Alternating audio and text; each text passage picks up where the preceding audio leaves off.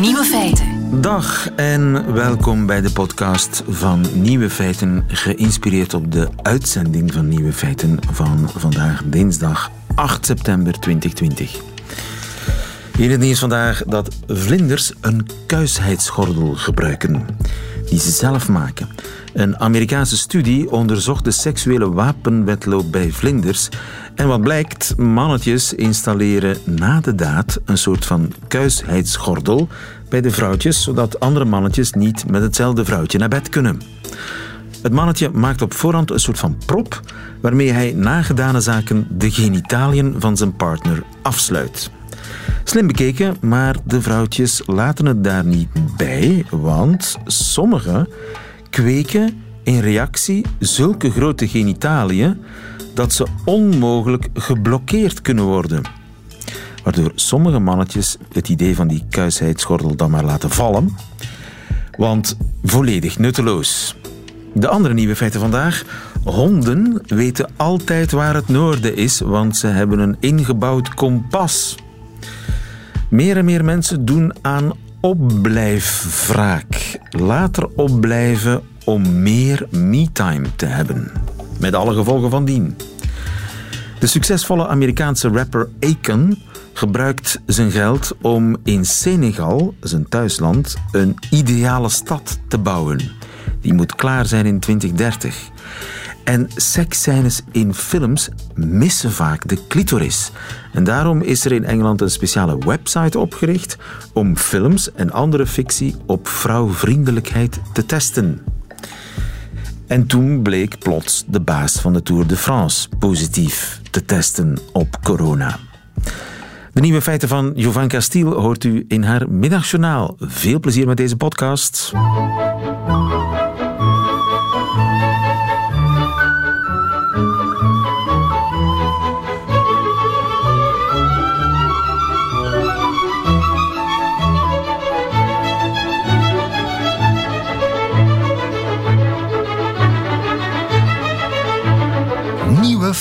Ja, het lijkt een beetje op de tune van All Creatures Great and Small. En dat uh, is geen toeval.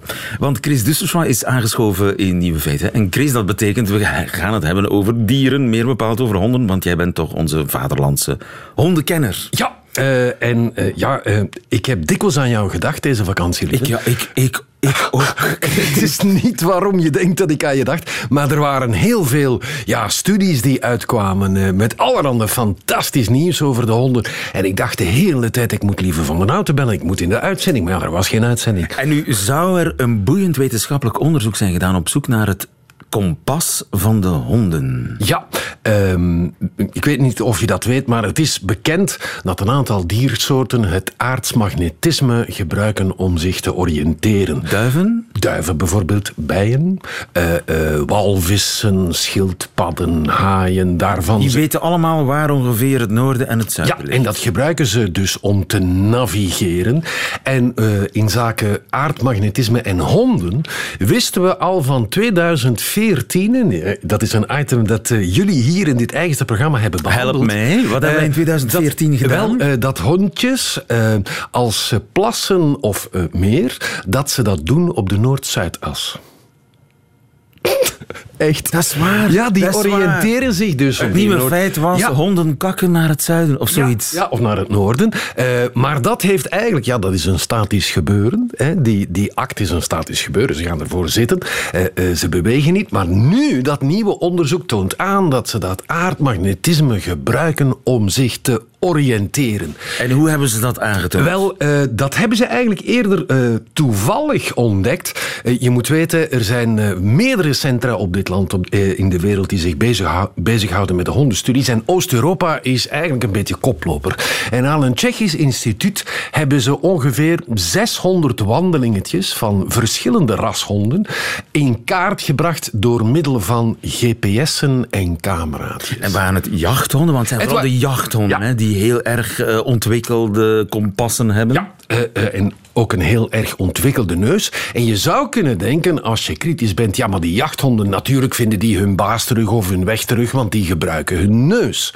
Fair enough. Uh, zo... Waar ze geweest zijn en vinden zo hun weg terug. Voilà. Ze hebben dus gekeken, ze hebben die, die meer dan 600, uh, op meer dan 600 verschillende wandelingetjes, mocht die hond eigenlijk een beetje gaan of staan waar hij wou. En die ging natuurlijk als jachthond, wat volgde hij? Een wildspoor. Ja, en ongeveer na 400 100 meter uh, uh, was die hond dan dat wild kwijt of werd hij geroepen door de baas. En dan keert hij eigenlijk bijna letterlijk op zijn stappen terug. Want wat is de makkelijkste manier om je baasje terug te vinden als je in onbekend terrein bent op een bos en je bent een hond? Ja, je gaat gewoon je eigen geurspoor terugvolgen. En zo kom je automatisch terug ja. uh, bij je baasje. Maar dus die, die jachthonden werden uitgerust met GPS-trackers, dus je kon heel goed zien welke weg ze genomen ja, hadden. En twee derde van die, in twee derde van de gevallen namen de honden inderdaad gewoon de weg terug. Ja? Uh, gebruikten ze hun neus om via dezelfde weg die ze hadden genomen terug te keren naar de, hun baas. Maar in een derde van de gevallen uh, namen ze een uh, binnenbaantje, een binnenweg. En het, het unieke daaraan is, is dat ze daarmee energie besparen, dat ze sneller bij de baas waren dan wanneer dat ze de oorspronkelijke weg namen. En tijdens die alternatieve weg nemen ze minstens over een afstand van 20 meter lieven. En dat was toch echt verbazend om achterover te vallen eigenlijk, volgden ze bijna perfect de Noord-Zuid as, de magnetische as van dus de, de, aarde. De eerste 20 meter gaan ze noord-zuid. Dat is eigenlijk een oriëntatieloop. Inderdaad, je, je, zou het kunnen vergelijken, maar dan, ja, we vergelijken natuurlijk.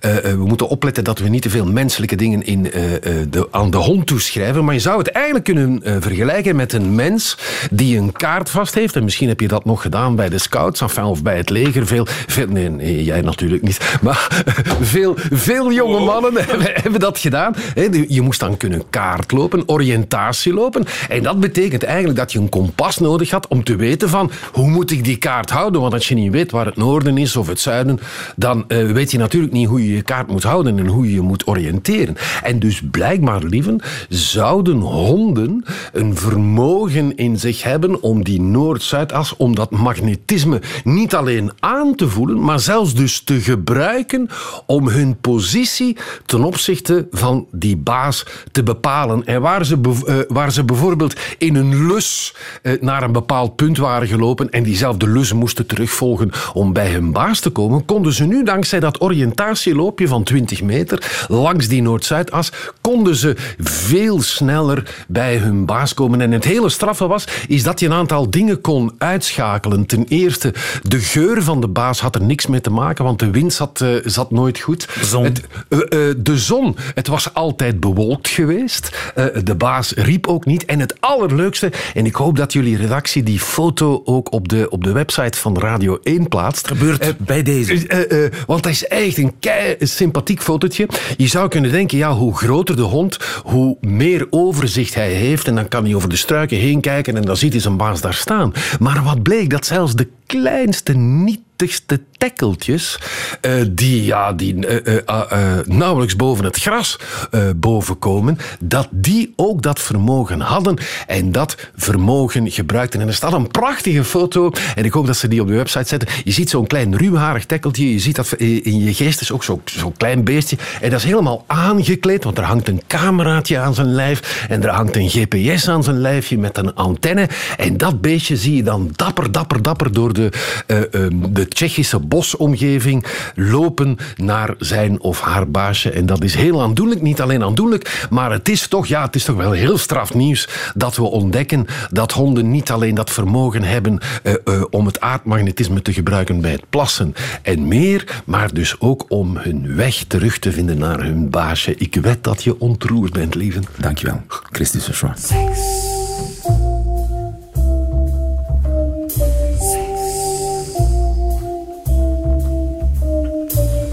Joshua. feiten.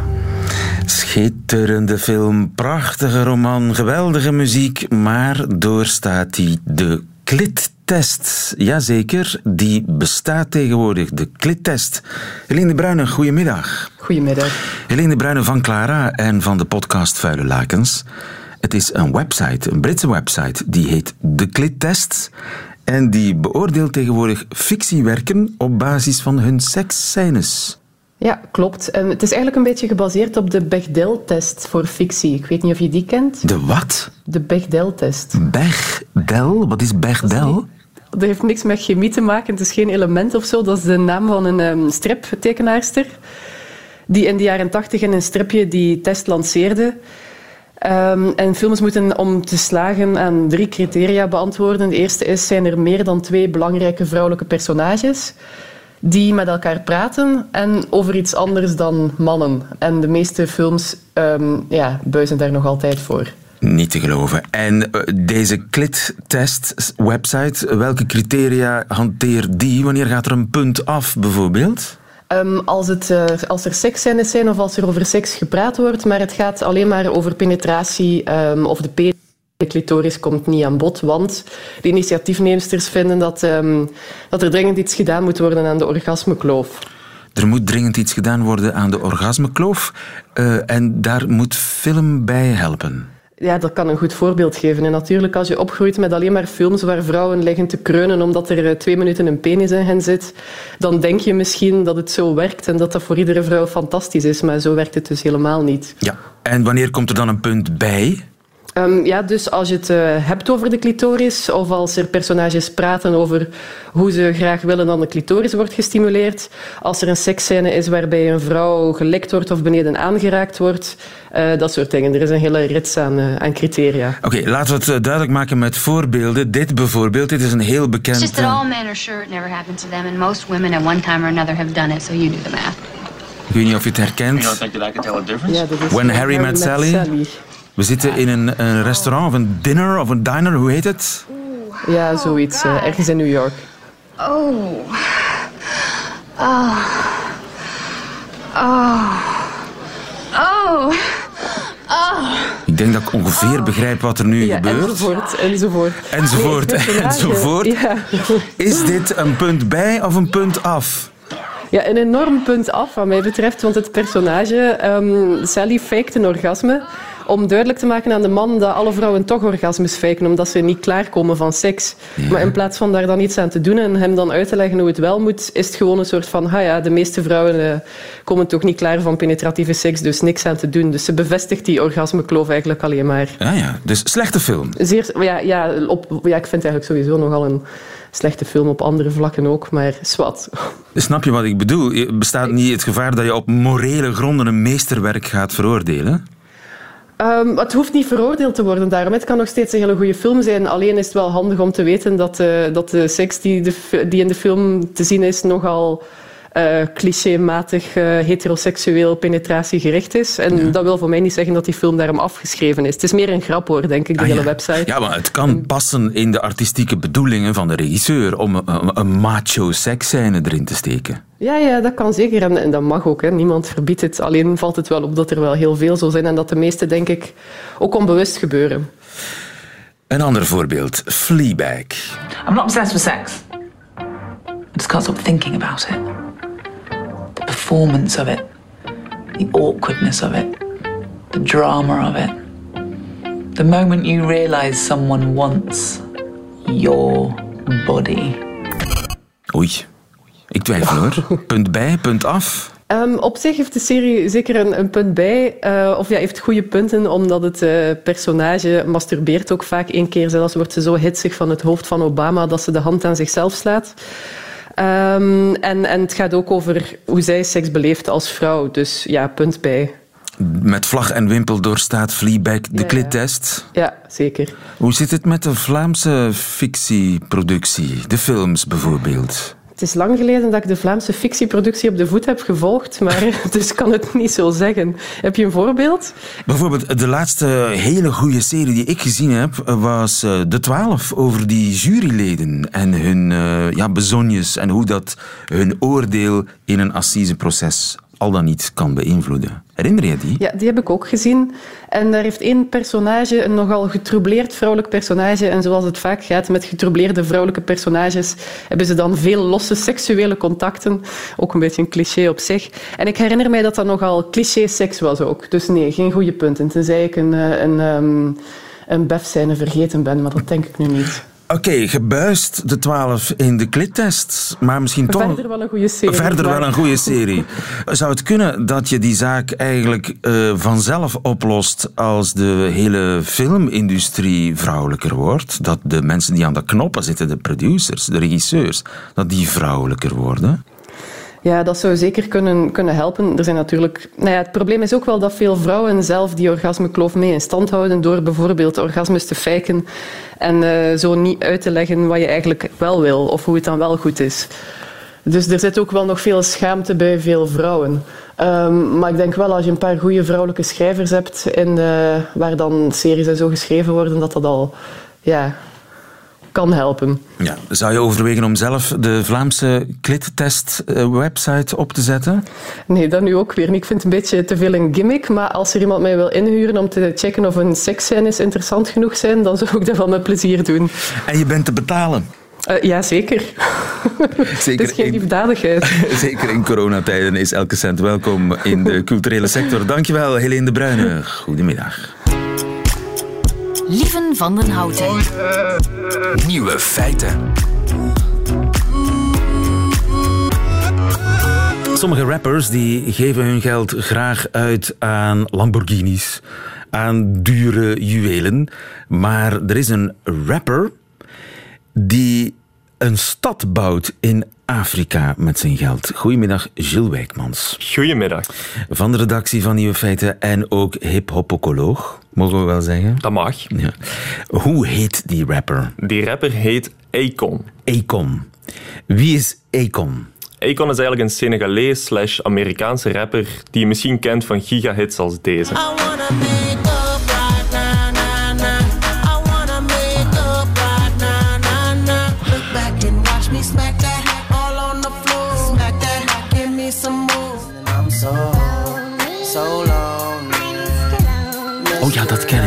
Laatste-. De laatste ken ik. Absoluut. Waar, Een soort hele commerciële... Ja, er is geen schoenwinkel zonder Econ door de nee, luidsprekers. exact. Zeker in de jaren 2000. De hitlijsten waren eigenlijk, eh, zaten vol met nummers van. Hij, Die man is dus multimiljonair geworden. 35 miljoen eh, verkochte platen, genomineerd voor 5 Grammys. En ook nu nog heeft hij 12 miljoen maandelijkse luisteraars op Spotify. En hij is de wereldrecordhouder van meest verkochte ringtones. Oh, hij is koning ringtone. Ja, ja, ja, ja, want in de jaren 2000, wij hadden geen TikTok. Nu wordt muziek gemaakt of gekraakt op TikTok, maar toen was er dat niet.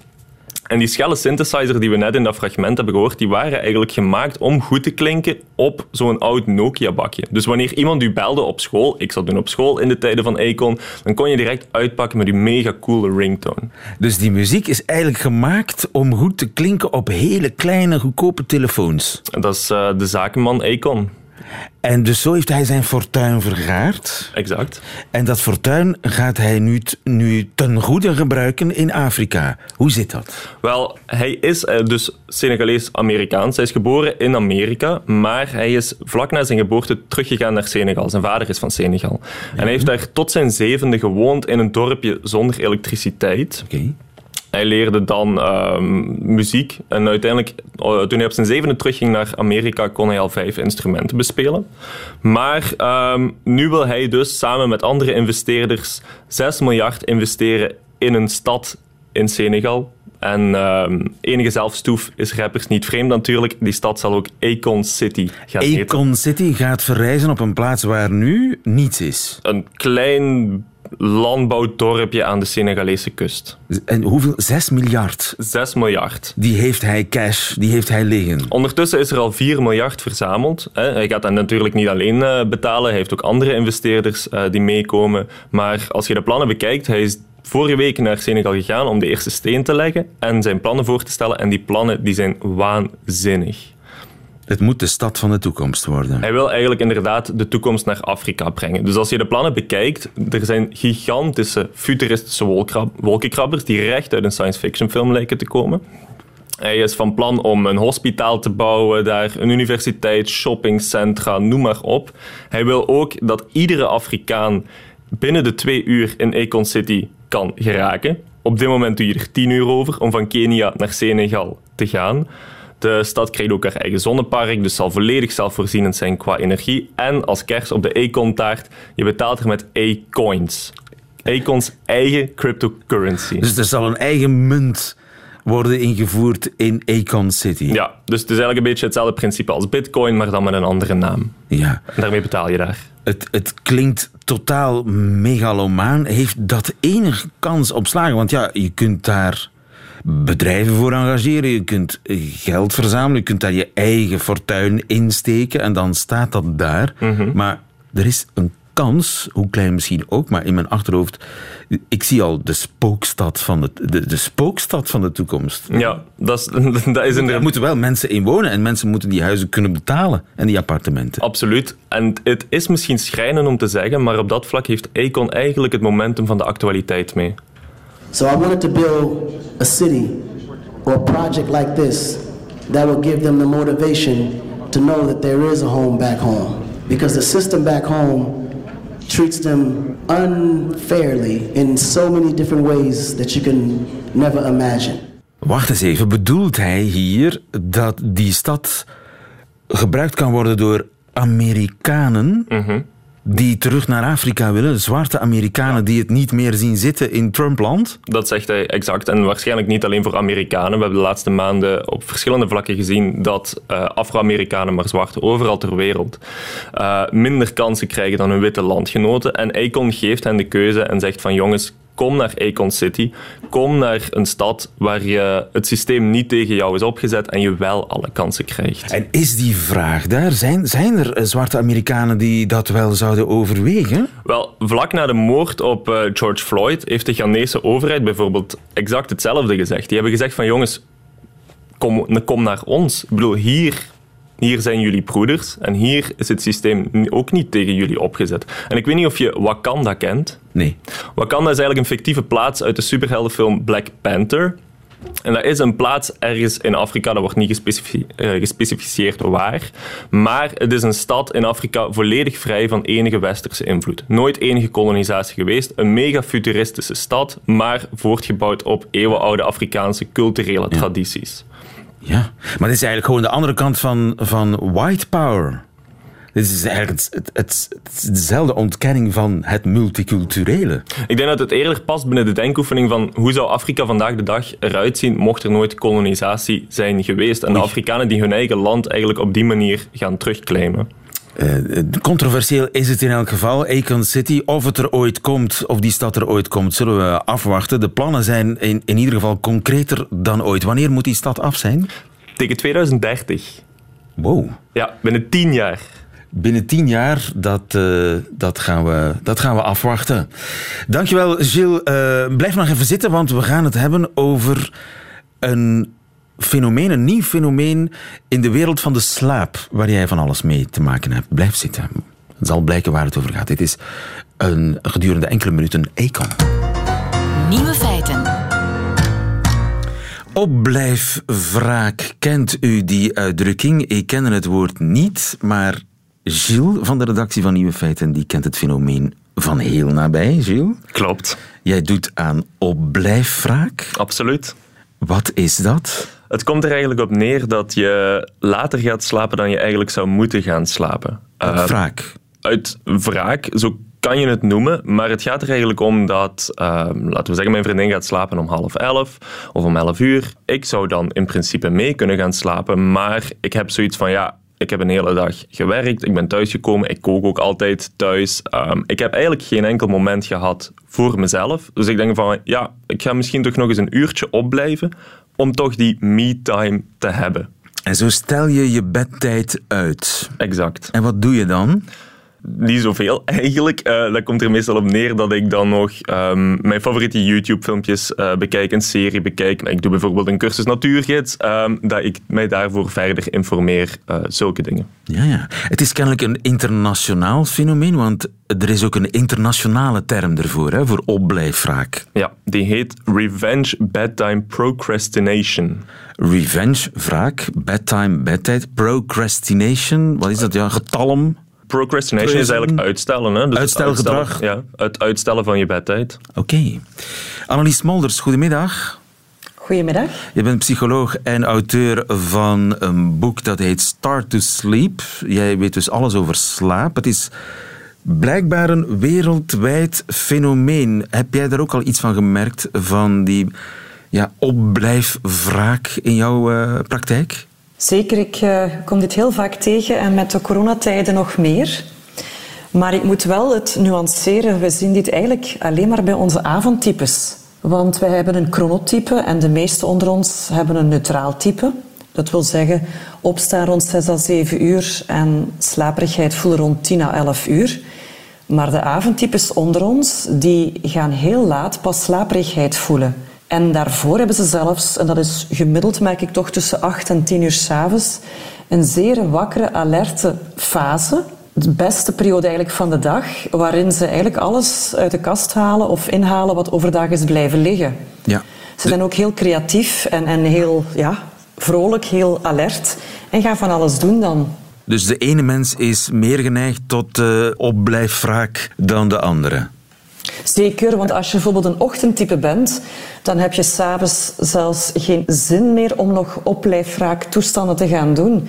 Je bent zo slaperig en je wil maar één ding en dat is naar bed gaan. Ja, herken jij je daarin, uh, Gilles? Ben jij een avondmens? Ja, allee, toch in de zin van, ik kan inderdaad s'avonds toch nog vaak, vaak denken van oei, ik moet dat nog doen of ik moet dat nog doen en dan doe ik dat ook effectief en dat is eigenlijk geen enkel probleem. Ik kan mij acht, om 11 uur nog achter mijn laptop zetten en, en ik weet niet wat... Ja. Nodigt de smartphone daartoe uit, Annelies?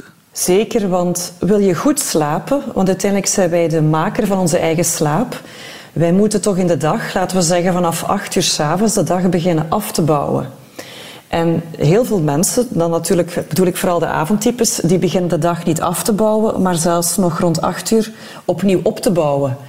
En ga je dat dan nog eens vullen met het blootstellen aan blauw licht, dus denk maar aan de mobile devices, uh, je smartphone en alles, ja. ja. dan ga je eigenlijk nog meer kans hebben dat je je brein knalwakker maakt en natuurlijk niet kunt slapen. Ja, je kunt ook eindeloos blijven scrollen hè, op die smartphone, op sociale media en dan YouTube en dit filmpje en nog een filmpje. En oh, dit vind ik ook wel leuk en dit is misschien wel interessant. En voor je het weet is het twee uur. Zeker. Maar ook dat licht is eigenlijk heel gezond licht, daglicht. Alleen ga je het daar op heel foute uren benutten. Maar door daarvoor te zitten ga je wel je nog meer wakker maken. En ja, je zin gaat alleen maar toenemen om dat te blijven doen. Dus het is niet aan te raden? Nee, helemaal niet. Oei. Wat kunnen de gevolgen zijn? Natuurlijk slaaptekort, want als je je dag meer en meer gaat verlaten, langer maken, ga je natuurlijk wel op een bepaald moment je bed in gaan. Maar dat gaat dan vrees ik toch midden van de nacht zijn.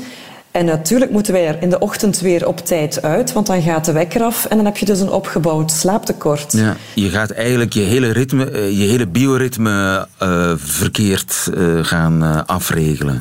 Klopt, want als je telkens laat naar bed gaat, ga je natuurlijk ook merken in de ochtend, als die wekker wel op tijd afgaat, dat je te weinig hebt geslapen. En ga jij toch na een tijdje denken, ik wil er wel eens vroeger in, want ik begin dit slaaptekort wel te merken, ga je spijt genoeg wel kunnen merken dat jouw bioritme verschoven is geraakt. Dus dat je eigenlijk niet meer zo vlot in slaap valt, ook al kruip je al eens vroeger je bed in. Ja, dus het versterkt zichzelf eigenlijk. Ja, we gaan ons slaappatroon eigenlijk, of ons negatieve slaappatroon eigenlijk, conditioneren. En na verloop van tijd moet je dan ook niet verbaasd zijn dat het inslapen niet, niet goed gaat. En dat je eigenlijk helemaal ontregeld bent geraakt. Ja. Die revenge slaat ook natuurlijk op het feit dat je de hele dag dingen tegen je zin hebt moeten doen. En dan tegen bedtijd, als het rustig wordt, en nu is het aan mij. Moet je dan niet ervoor zorgen dat je overdag de leuke dingen doet?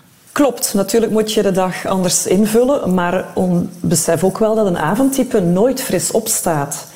Dus als een avondtype bijvoorbeeld op de werkvloer aanwezig is, dan is die wel, moet ik zeggen, lichamelijk aanwezig, maar vaak ook niet mentaal. Die gaan daar toch niet hun beste momenten hebben en denk ook heel vaak, goh, ik neem dat straks mee naar huis of ik werk daar vanavond wel aan, want dan ben ik tien keer beter en presteer ik beter of ben ik veel creatiever. En dus is het eigenlijk beter om uh, ervoor te zorgen dat je s ochtends niet al te vroeg op je werk moet zijn? Dat kan een oplossing zijn, maar uiteindelijk hebben we wel een maatschappij waar je toch op tijd hoort aanwezig te zijn. Wat wel de oplossing is, is eigenlijk dat blauwe licht waar ik net over sprak. Maar de meeste mensen gaan dat fout gebruiken in de avond. Ik ben een grote voorstander van het gebruik van licht, zelfs lichttherapie in de ochtenduren. Als je namelijk opstaat en je dan dadelijk blootstelt aan dat blauw licht, dat kan bijvoorbeeld zijn jouw computerscherm, maar ook het gebruik van lichttherapie, wat nog sterker is, dan ga je eigenlijk je veel sneller wakker en alerter maken en ga je dan ook veel beter kunnen functioneel bezig zijn Ah, en ja. creatief zijn. En zo kun je als avondtype een beetje een ochtendtype worden. Klopt, maar ook een ochtendtype, want dat ben ik dan weer extreem, kan dan ook wel wat schuiven. Ik ga bijvoorbeeld de lichttherapie heel vaak in de namiddag toepassen, omdat ik heel vaak s'avonds lezingen geef. En zo stel ik mijn slaperigheid of mijn vermoeidheid in de avond uit naar een later uur. Ja, dus voor jou geen opblijfwraak. Maar ik weet tenminste wat het betekent. Eh Gilles Wijkmans, veel beterschap. Eh, dank je. Ik, ja, ik- in ieder geval, ik heb er niet zoveel last van dat ik, ehm, dat ik overdag zo vermoeid ben. Want ik heb toch wel de discipline om te zeggen van oké, het is 12 uur. Ik wil morgen niet volledig brak op mijn werk verschijnen. Dus meestal ga ik dan wel slapen. Ik ben trots op je. Dankjewel, Dankjewel. Gilles. Dankjewel, Annelies Molders. Goedemiddag. Daar. Nieuwe feiten. Euforie was het eh, een eh, drie kwartiertjes geleden in het nieuws van 12 uur, want geen enkele renner of medewerker van de Tour is positief getest op COVID-19. Maar de euforie was van korte duur, Christophe van der Goor. Absoluut. Oh, ironie, want niemand minder dan de tourbaas himself, Christian Prudhomme. En ja, excusez-moi dat ik er een beetje mee lach, maar dat is absoluut niks om mee te lachen. Laat ons daar duidelijk over zijn, maar omdat hij die vraag inderdaad zo stelt. De tourbaas himself heeft positief getest, is nu op weg naar... ehm, naar huis. Hij gaat telewerken, wordt ons verteld. Zeven dagen verschijnt hij niet in de Ronde van Frankrijk. Gaat ook een, eh, een nieuwe test ondergaan. Want, zegt ASO, die, dat is de organisator, heeft ook het eh, nieuwsnet bevestigd. Eh, hij is eh, asymptomatisch, dus vertoont geen, geen enkele kenmerken. Geen keelpijn, niet hoesten, geen koorts, maar gaat wel naar huis nu. Dus dat is wel nieuws. Als je weet dat de renners, bijna 200 eh, man sterk, daar heeft niemand positief getest. Wel vier personeelsleden in totaal in een bubbel van 700 man ongeveer van verschillende, vier verschillende ploegen. Dus voorlopig is daar geen gevolg voor. Maar de tourbaas zelf, ja, als er nu één iemand ook eh, liever in contact komt met met burgemeesters, met departementshoofden, met andere mensen die zichzelf belangrijk noemen. Hij zit ook constant in de, in de eerste auto achter het peloton. Altijd met vier mensen in de auto. Wie zijn dat, die mensen? maar Ah, dat is soms wel eens een eh, politicus of een burgemeester die drie of vier jaar gelobbyd heeft om een aankomst eh, te krijgen. Bijvoorbeeld op Montegual, waar we waren in de Cévennes. Hier vandaag op uh, Ile de Ré heeft de burgemeester ook al uh, heel lang geprobeerd om dat peloton over die mooie brug tussen La Rochelle en Ile de Ré te krijgen. Dat is gelukt. Dus dat zijn dat soort mensen die worden uitgenodigd. Vorige, ja, de Paris Sourde zaterdag was de premier Jean Castex op bezoek en die loofde nog het tourcircus, hoe geweldig het allemaal wel was. Dus dat soort mensen, of soms die merk, zitten dan bij hem in de auto. Oei, dus dat worden nog ja. spannende dagen voor heel wat hoogwaardigheidsbekleders die de auto gedeeld hebben van tourbaas Prudhomme. Ja, Christian Prudhomme, die ja. dus positief getest is, niet op doping, maar op COVID-19. Dat is de nieuwe test craze in de Tour 2020. Dankjewel, Christophe van der Goor. Blijf ons op de hoogte houden. Radio 1. Nieuwe feiten. Ik geef u nog mee als uh, laatste nieuwe feit dat er een Franse toerist is veroordeeld tot een boete van 1000 euro, omdat hij Sardijns zand, zand uit Sardinië, mee naar huis probeerde te smokkelen. Op de luchthaven van Cagliari vond de douane een plastic fles gevuld met ruim 2 kilo lokaal zand in zijn bagage. Sinds uh, 2017 is dat verboden om zand van stranden van Sardinië weg te halen. Zanddieven riskeren afhankelijk van de hoeveelheid boetes van uh, 500 tot 3000 euro en zelfs gevangenisstraf. Die regels werden ingevoerd omdat de zandstroperij op Sardinië de jongste jaren problematische proporties begon aan te nemen. En vooral de, de stranden met roze of spierwit zand zijn een geliefkoosd doelwit. Dus mocht u plannen hebben om in Sardinië zand te stelen, we hebben u gewaarschuwd. Dat waren de nieuwe feiten van 8 september 2020. Alleen nog die van Jovan Castiel heeft u te goed in haar middagjournaal. Nieuwe feiten. Middagjournaal. Goedemiddag. Er stond in de krant dat vier op de tien Vlamingen bereid zijn om een corona-app op hun smartphones te installeren. Dat is een dingetje dat je laat weten dat er een besmette persoon ergens in jouw buurt is, zodat je kan, ja, zodat je wat kan doen. Weglopen? Is dat niet waarvoor alle mondmaskers en social distancing dienden? Volgens mij zou zo'n waarschuwingssysteem beter worden gebruikt voor een echt probleem, zoals het feit dat er iemand in jouw buurt is die te graag over saaie onderwerpen praat. Ze praten gewoon door en je moet daar blijven staan en proberen te glimlachen terwijl ze je een saaie rodel over de apotheker vertellen. Ik heb de apotheker gezien in café De Witte Koe en zij was een beetje dronken. Je zou dat toch niet denken voor een apotheker dat zij op café gaat en zeker niet dat ze dronken wordt. Ik kan het niet geloven. Ik durfde geen goede dag te zeggen, maar ik denk dat ze me wel heeft gezien. Maar ja, gaat hij dat nog weten als ze zo dronken was? Juist, daarvoor hebben wij een app nodig, een anti-zaag-app. En ik denk dat meer dan vier op de tien Vlamingen daar akkoord mee zouden gaan. Maar goed, voor mij maakt het niet uit, want ik heb geen smartphone en dus geen apps. Dus als ik zo'n waarschuwingssysteem zou hebben, moet een callcenter mij opbellen. Hallo mevrouw Stelen, met het callcenter. Er is iemand in uw straat die graag uren en uren over Game of Thrones wilt praten. Dan zou ik zeggen: Oké, Roger, ik zie hem. Hey callcenter mevrouw, bel me binnen twee minuten terug, dan kan ik ontsnappen. Dan zou twee minuten na een saaie monoloog over draken en sexy dwergen mijn gsm rinkelen. En zal ik tegen de saaie persoon zeggen: Sorry, sorry, sorry, maar dit is een belangrijk telefoontje en ik moet echt weg. En hij zou zeggen: Shit, nog iemand met een anti-zaag-app. Huh. Tot morgen.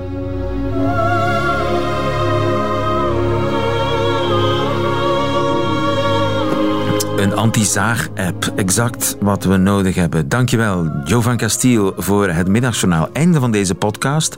Hoort u liever de volledige uitzending van Nieuwe Feiten met de muziek en alles erop en eraan? Dat kan natuurlijk ook gewoon live of via onze app in uitgesteld relais of via onze site. Daar vindt u overigens op al die plekken nog veel meer fijne podcasts van Radio 1. Tot een volgende keer.